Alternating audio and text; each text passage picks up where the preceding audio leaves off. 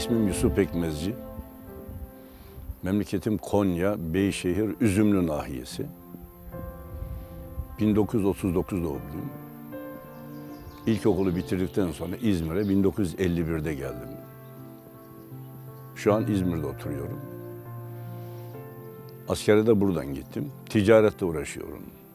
İlk mesleğim ticarette tuhafiye üzerine iştigal ediyordum. Sonra mutfak malzemesi, porselen gibi türlerden ticaret iştigal ediyorum.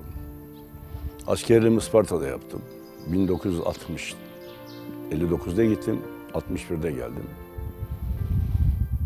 İzmir'de daha önce başkasının yanında çalışıyordum asker öncesi. Geldikten sonra şahsi müstakil iş yapmaya başladım. Evliyim. O zaman evlendim. Bir çocuğum vardı. Şu anki durumum üç kız bir oğlum var. Hepsi evli. Dört çocuk oluyor. 15 torunumuz var. Dört tane de torunlarımın çocukları var şu an. Yaşım şu an 75'i dolduruyoruz.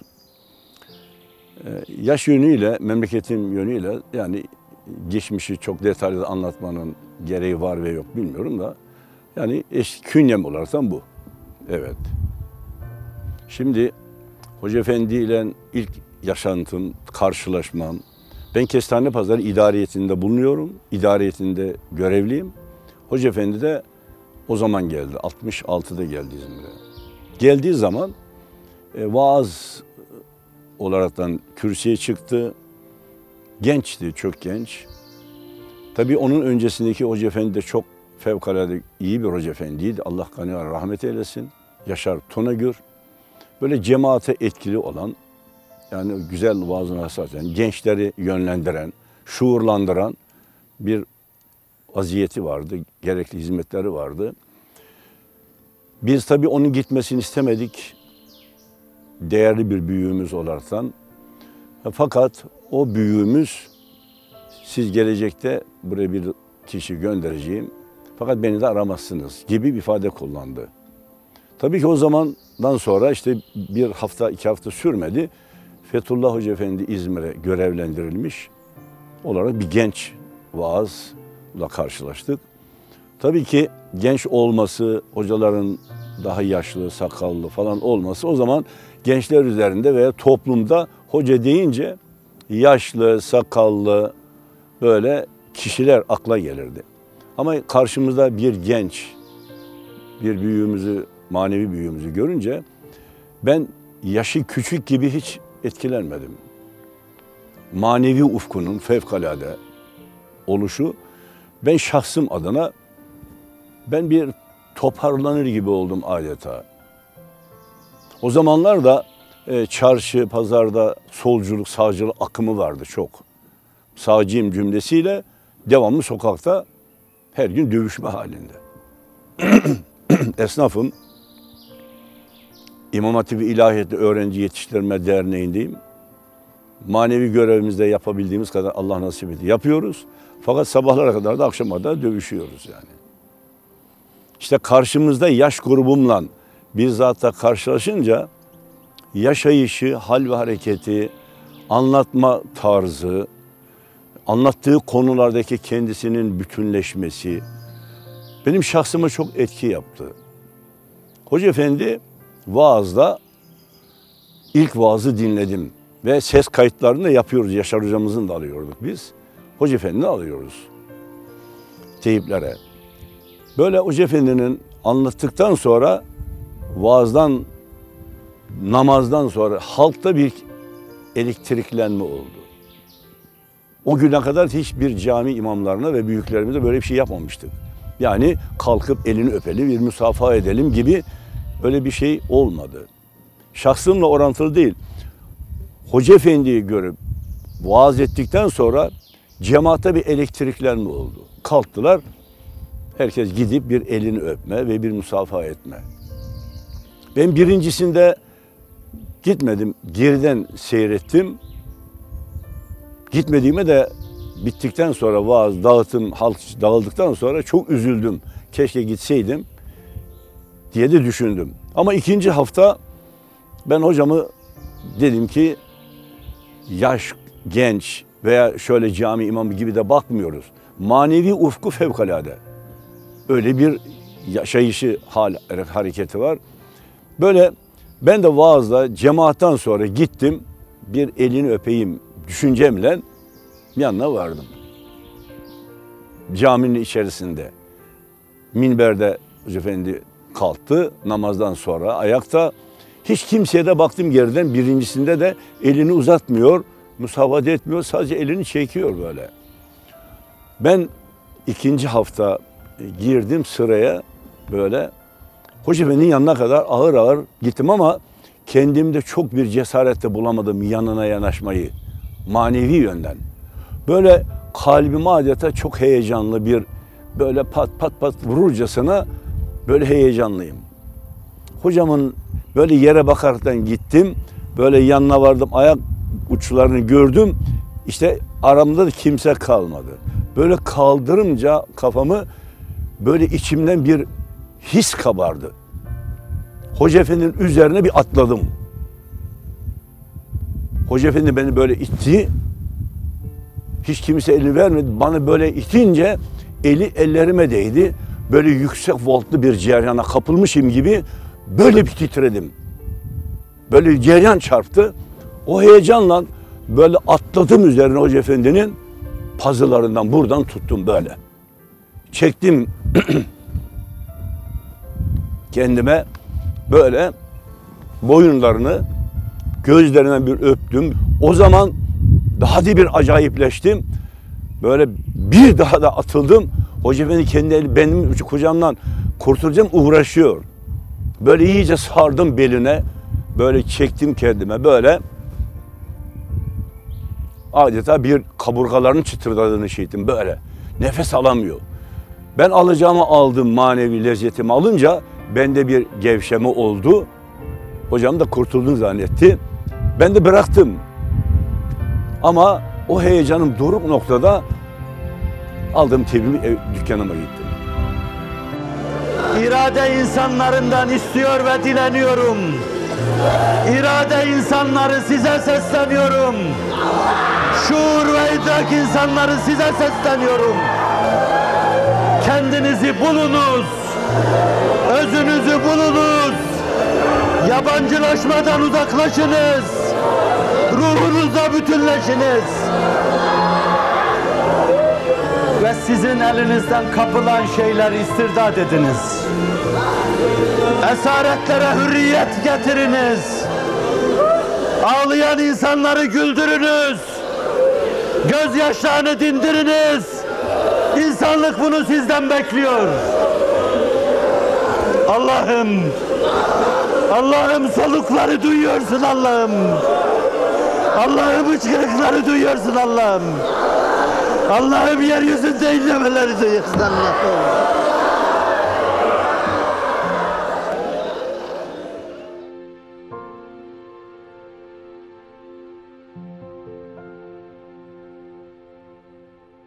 Dükkana giderken de teybi açardık. Sesini konuşturaraktan giderdik. Pilli. Sokakta. Yaşımız askerden gelmişim. Ama bu ne, neyin nesi vesaire hiç aklımıza gelmezdi. Sokakta giderken şu an birisi öyle gitse dersin ki biraz herhalde kafası biraz ayarı bozuk. Böyle bir yapıyla hocamın ikinci haftayı bekledim. Dedim ki düşündüm kendi kendime öptürmüyor, elini de vermiyor. Fakat ben de o hafta bir çılgınlık gibi bütünleşme oldu o halimle böyle. İkinci hafta gittim. Gene vaaz aldık. O zaman Hoca Efendi derdi ki vaazı almanıza gerek yok. Teybi olan arkadaşlar önde arkadaki cemaatin rahatını bozuyorsunuz hareketlerinizle. Dikkati dağıtıyorsunuz. Gereği de yok diye ifade ederdi. Biz de hocam siz buna karışamazsınız. Karışmayınız biz alacağız yani bunu derdik ve alıyorduk. İkinci haftada gittim Hoca Efendi'ye işte vaaz bitti. Hutbe okundu. Ondan sonra geldi cemaatin musafaha safhası. O gün gittim. Şimdi Hoca Efendi geçen hafta gördüm. Elini uzatmıyor, vermiyor. Ben ama heyecanım daha doruk noktada. Lezzetini almışım. Ben yanına vardım. Hoca efendi benden böyle biraz kaçar gibi oldu. Yani geriye arkasında mihrap başka kaçacak bir yer yok. Ben böyle yere bakaraktan bir parladım. Hoca efendi kaçarken bir daha yakaladım pazılarından. Çektim böyle. Allah. Dünyanın mutluluğunu yaşıyorum. Hayatımda o günkü, o andaki aldığım lezzeti bugünüme kadar da duymadım. Almadım öyle bir lezzet daha. O zaman da öptüm, gene kokladım. O Hoca Efendi böyle bir ilk tanımam ve böyle bir Allah'ın lütfu olaraktan kabul ediyorum. Böyle bir lezzetini almam, manevi lezzetini almam oldu. O gün bugün onu bırakamadım. Bu uzun bir e, safahatı geçer. Böyle tanıdım hocamı maneviyat yönüyle. Şimdi ondan önceki daha da büyüklerimiz, hoca efendiler var. Fakat hoca deyince kıyaslama insan kendi kendine düşünebiliyor. Fakat hoca efendinin yaşayışı, hareketi, konuşması edep üzeri fevkalade, abide bir zat. Bunu da ben bugünkü anlatımımla tarih olaraktan 48-49 sene önce, sene 66 yıllarında bu. Böyle tanıdım Hoca Efendi'yi. O günden bugüne kadar işte geliyoruz. Bunu detaylı e, başladığım gibi şu gün şu oldu, bugün bu oldu gibi bir şey düşünüyorsanız anlatmamı bizim Hoca Efendi'den görmüş olduğumuz böyle bir saygı, sevgi, insanlık abidesi bir benimle orantılı değil Hoca Efendi'ye karşı saygı. İzmir değişik bir yapı. Ben İzmir'i size bir anlatayım. İzmir'e bir yan bakan insanlar var. Ülkemizde, Türkiye'mizde. Bunu bir düzeltmek için söylüyorum bunu müsaade ederseniz anlatmamı. Ben 63'te esnafım. Hocam daha gelmedi. O zaman İzmir'de bir hanımefendi var. Hidayet isminde bir teyzemiz. Mükemmeliyet içinde fevkalade bir zatı muhtereme. Benden bazı alışveriş yapardı. Çok saygı duyduğum bir hanımefendi. Yaşlı bizden çok çok daha büyük. 60-70 yaşlarına yakındı. Ben bir soru sordum ona. Hidayet teyze dedim. Özür diliyorum. Bir soru sorabilir miyim dedim. Sor evladım dedi. Siz nerelisiniz dedim. Sorun bu. Bana dedi ki evladım dedi. Allah'ın yaratmış olduğu yer küresi gavur olmaz dedi. Evladım dedi Allah'ın yaratmış olduğu canlı varlıklar insan ötesi gavur olmaz dedi. Allah'ın yarattığı tabiat da gavur olmaz dedi. Gavur denir kime denir? Allah'ın emrine tabi olmayan, yapmayan, inkar eden insanlara gavur denir dedi. Ben dedi size şunu anlatayım ben İzmirliyim dedi. Doğuma büyüme bizim kök olaraktan tam manasıyla kökümüz biz İzmirliyiz dedi. İzmirli olaraktan 75 aile geçmez dedi. İzmir'de yaşayan insanlar içerisinde dedi. Evladım dedi bir çocuk köyünde sigara içse gören olur babam da görür diye korkar çekinir. Şehri de işemez bir gören olur tanıyan olur der. Büyük şehirde de yapmamaz. Ama tanımadığı bir şehir kimse bilmiyor bir insanlar toplu varsa orada yapmak istediği fiili rahatlık içerisinde yapar dedi. Oğlum dedi şöyle baktığımız zaman Türkiye'mize şurada en yakın yer Manisa. Manisa atalarımızı görmemiz mümkün külliyeleriyle bıraktığı duvar tablosu gibi hatıralar dedi. Konya'ya git keza var dedi. Git dedi Malatya'ya var evladım dedi. Urfa'ya gidiniz atalarımızı görmek mümkün. Diyarbakır'a gidiniz fevkalade mümkün peygamberler diyarı dedi. Oğlum dedi İstanbul'a gidiniz adeta dedi kabirler içerisinde şehrin içerisi. Fakat o kabirde insan böyle sarılıp yatası gelir dedi. Oğlum Konya Karaman'a gidin bir caminin içerisinde 19 tane kabir var. Bir tanesi Mevlana Hazretleri'nin annesidir dedi. Bakınız dedi ne yazık ki kaderi ilahi bizim İzmir'de atalarımız geçmemiş dedi. Gelmemiş. Burası boş bir şehir yerleşim merkezi. Evladım dedi İzmir göç alan bir şehirdir dedi. Bir ilin bütün köylerinden dahi insan var burada dedi. Şimdi kimse tanımayınca, kimse kimseyi tanımayınca yapmak istedikleri yanlışlıkları rahat içinde yapıyorlar dedi. Bakınız ama kaderi ilahi dedi boş kalmış İzmir. Kimse gelmemiş. İzmir o iftirayı, o terbiyesiz sözü söylüyorlar.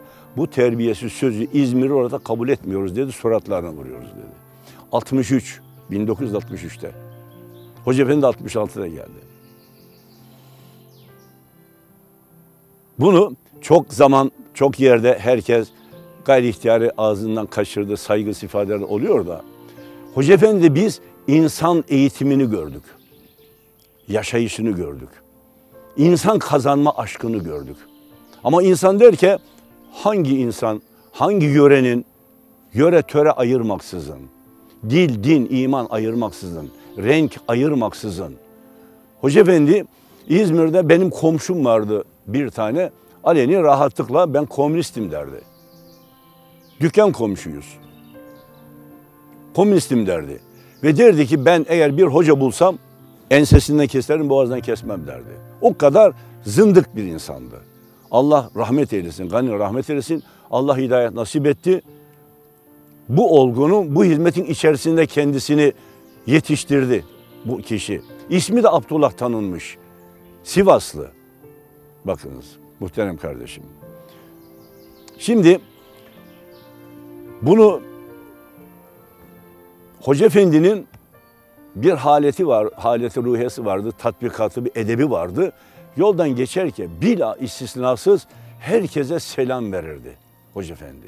Bila kaydı şart. Her gün sabahleyin erkenden çıkar kaldığı camiden 3-4 tane camide bulunan talebelerimiz var yatan onları görmek için giderdi. Çarşıdan geçerken bila istisna herkese tek tek selam verirdi. Onun selamını almak için çarşı insanları olaraktan böyle bir kilitlendik o edebe.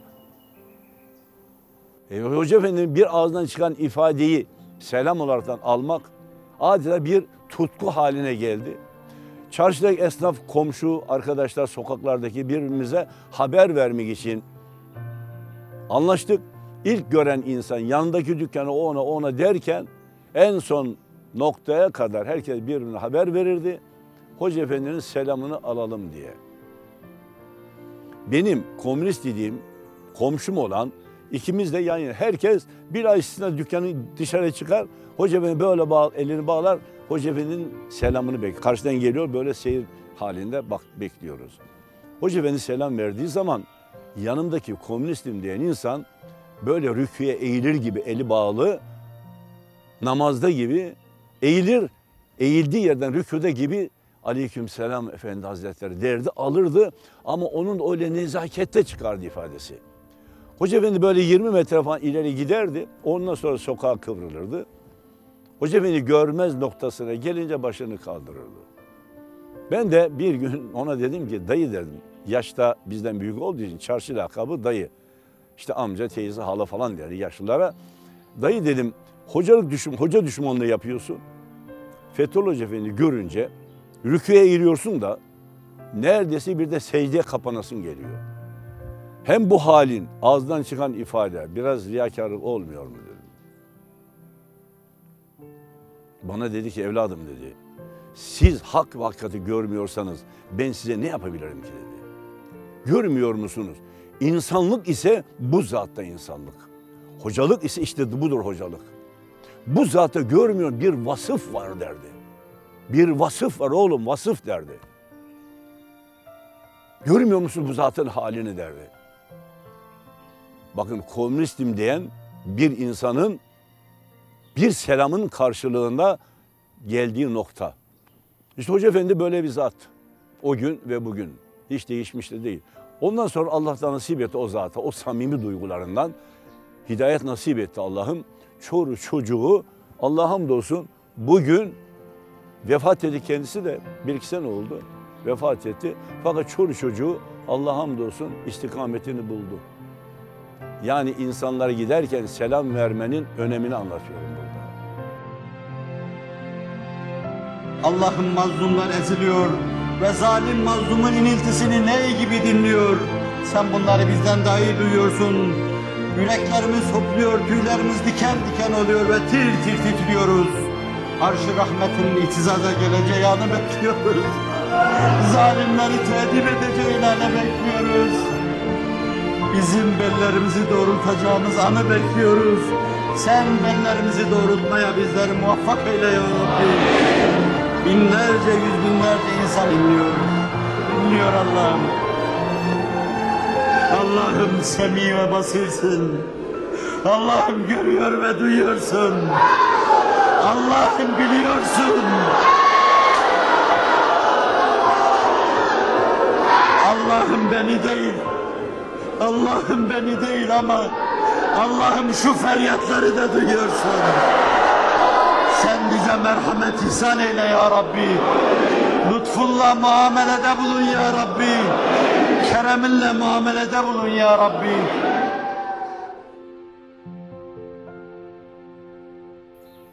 Ben Kestane Pazarı idariyetinde 68'e kadar görev yaptım. Hocamın da orada süreci, kalma süreci kendi arzu istikamette bitmiş. Hoca Efendi buradan da İzmir'den dönmek istedi. Yani başka bir il veya Erzurum'a. Biz de rica ettik Hoca Efendi'den. Kendini bıraktığı iz, bıraktığı iz, fevkaladelik, cemaatin e, yapısı, Hoca Efendi anlattığı konulara milletin adapte olması, böyle bir yenilik yani insanlara canlılık geldi cemaatte. Biz de buradan gitmesini istemedik. Şahsım adına da sonsuz bir bağımlılığım var. Allah'ıma hamdolsun. Ee, gitmememiz üzerinde, ısrar ettik. Allah da lütfetti.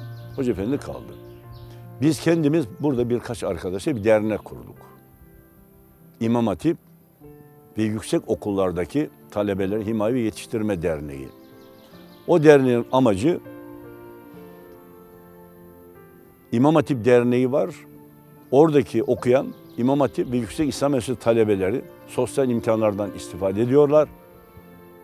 Olduğu kadar. Ama bir lise, bir üniversiteye veya bir ortaokula giden talebelerin elinden tutulmuyor. İhtiyacı olan talebelerden yardım görmüyor. Biz de İmam Hatip ve yüksek okullardaki talebeleri cümlesiyle açılımını yaptık. Dolayısıyla öyle bir dernek altında e, böyle bir faaliyet başlattık. Dernek faaliyeti.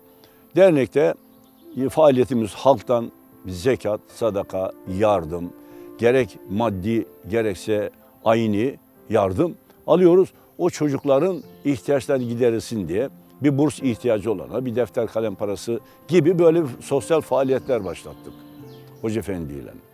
Hoca Efendi de akıl alıyor değil. Biz manevi bir şey sorulması gereken olduğu zaman dernekte üye değil, Hoca Efendi'ne soruyoruz.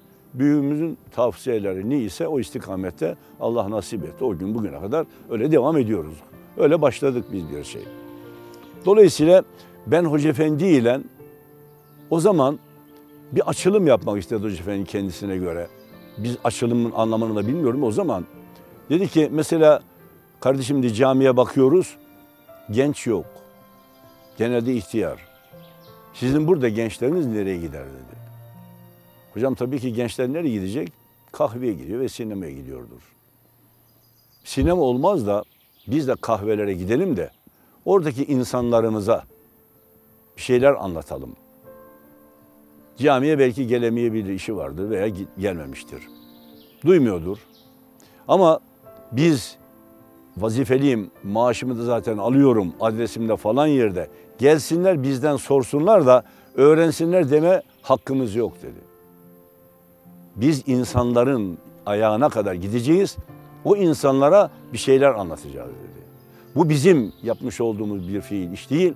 Bunu Allah'ın yaratmış olduğu ilk insanlardan Adem Aleyhisselam da başlamış. Bütün peygamberler Allah'tan aldığı emri bir fiil kendisi yaşıyor ilk önce. Onu bir başkasına da anlatmak için insanların olduğu yerlere gitmişlerdir dedi. Biz de Allah'ın kulu olduğumuza göre ben devletin memuruyum. Gelsin benden sormak istediğini sorsun demek için seçeneğim yok dedi. Hiç kimsenin yok. Biz de o insanlarımızın bulunduğu mekanlara gidelim orada bunlara bir şey anlatalım dedi. Mesela kahveye gidelim dedi. Akşamları gidelim kahvelere. Oradaki insanlarımıza bir şey anlatalım dedi. Ben yadırgadım. Hocam dedim orada sigara içerler. Oyun oynarlar. Gürültü olur.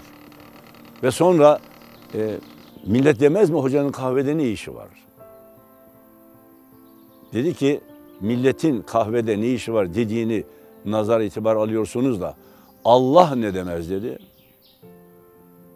Peygamberler gitmişler dedi ayaklarına kadar. Karşı taraf dinlememiş. Hakaret etmişler. Kötülük yapmışlar. Ama peygamberler hiçbirisi gitmekten vazgeçmemiş dedi. Allah'ın kulunun bilenin bilmeyeni bir şey anlatmak mecburiyetinde dedi. Biz de gidelim onlara bir şeyler anlatalım dedi. Hocam oyun oynarlar, sigara içerler falan dedim. Dedi ki sen doğuya git dedi. Camilerin içinde bile sigara içilen yerler var dedi. Sigaraya karışma millet alışmış. Dua edelim ki bıraksın dedi. Onun için biz gidelim o insanları dışlamayalım. Evinde bir çayı yoktur veya kahvede bir çay içecektir. Veya bir arkadaşla görüşecektir. Veya bir iş arıyordur veya bir işçi arıyordur. İnsanın kalabalık olduğu yerlerde olur. Onun için bu insanlar oraya gitmiş olabilir. Biz de o insanlarımızın yanına değer vermek mecburiyetindeyiz. Allah'ın yarattığı bir kullarız. Birbirimize üstün tarafımız yok.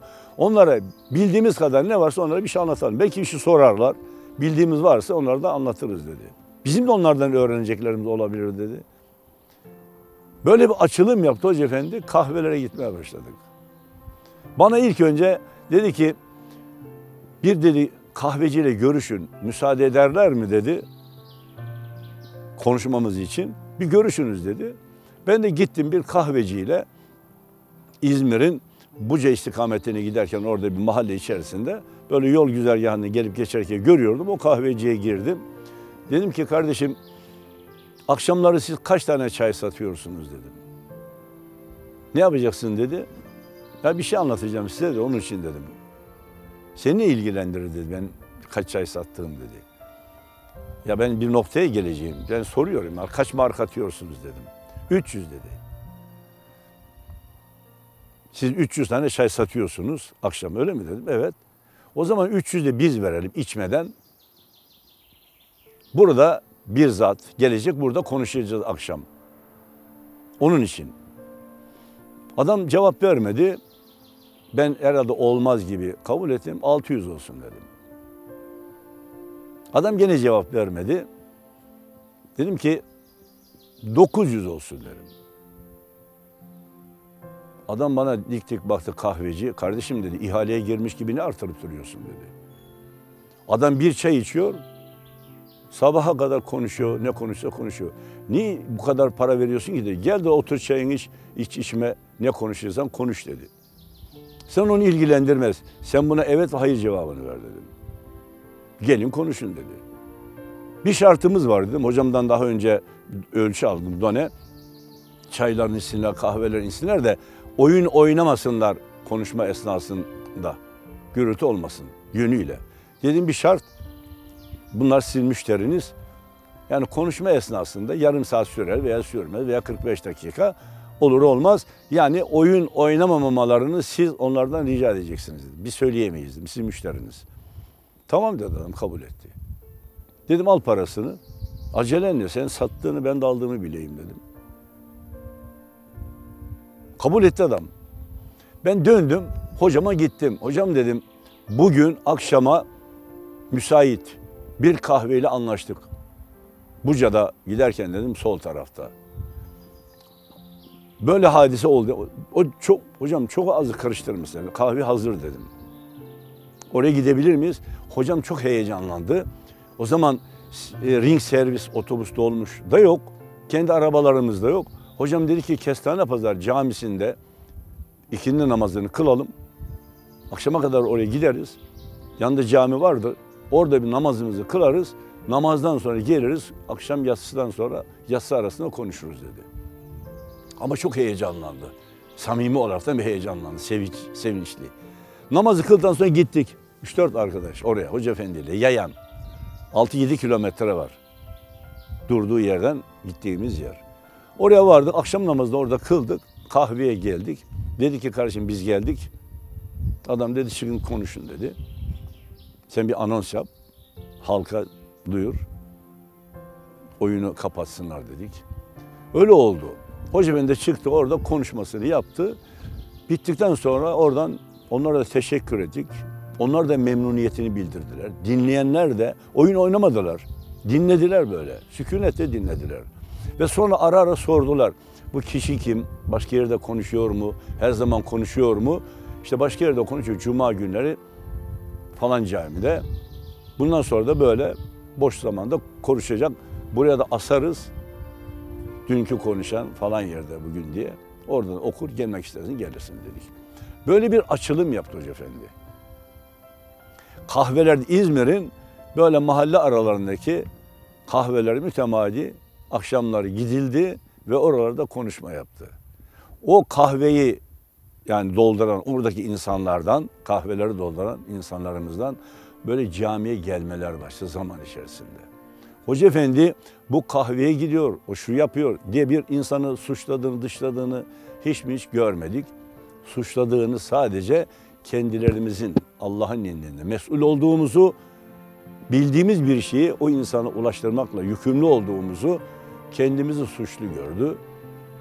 Onun için az aşk ve şevkle o gün ve bugün böyle bir iş, aç- açılım içerisinde bulundu. Ben vekaletimi Allah'a verdim. Hasbunallahu ve ni'mel vekil. Allah bize yeter.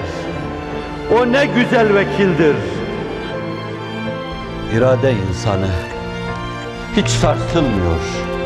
Karşısına ateş dahi çıksa, kandan irinden deryalar dahi çıksa, dikenli tarlalarda dahi gezdirilse, hiç tavır değiştirmiyor.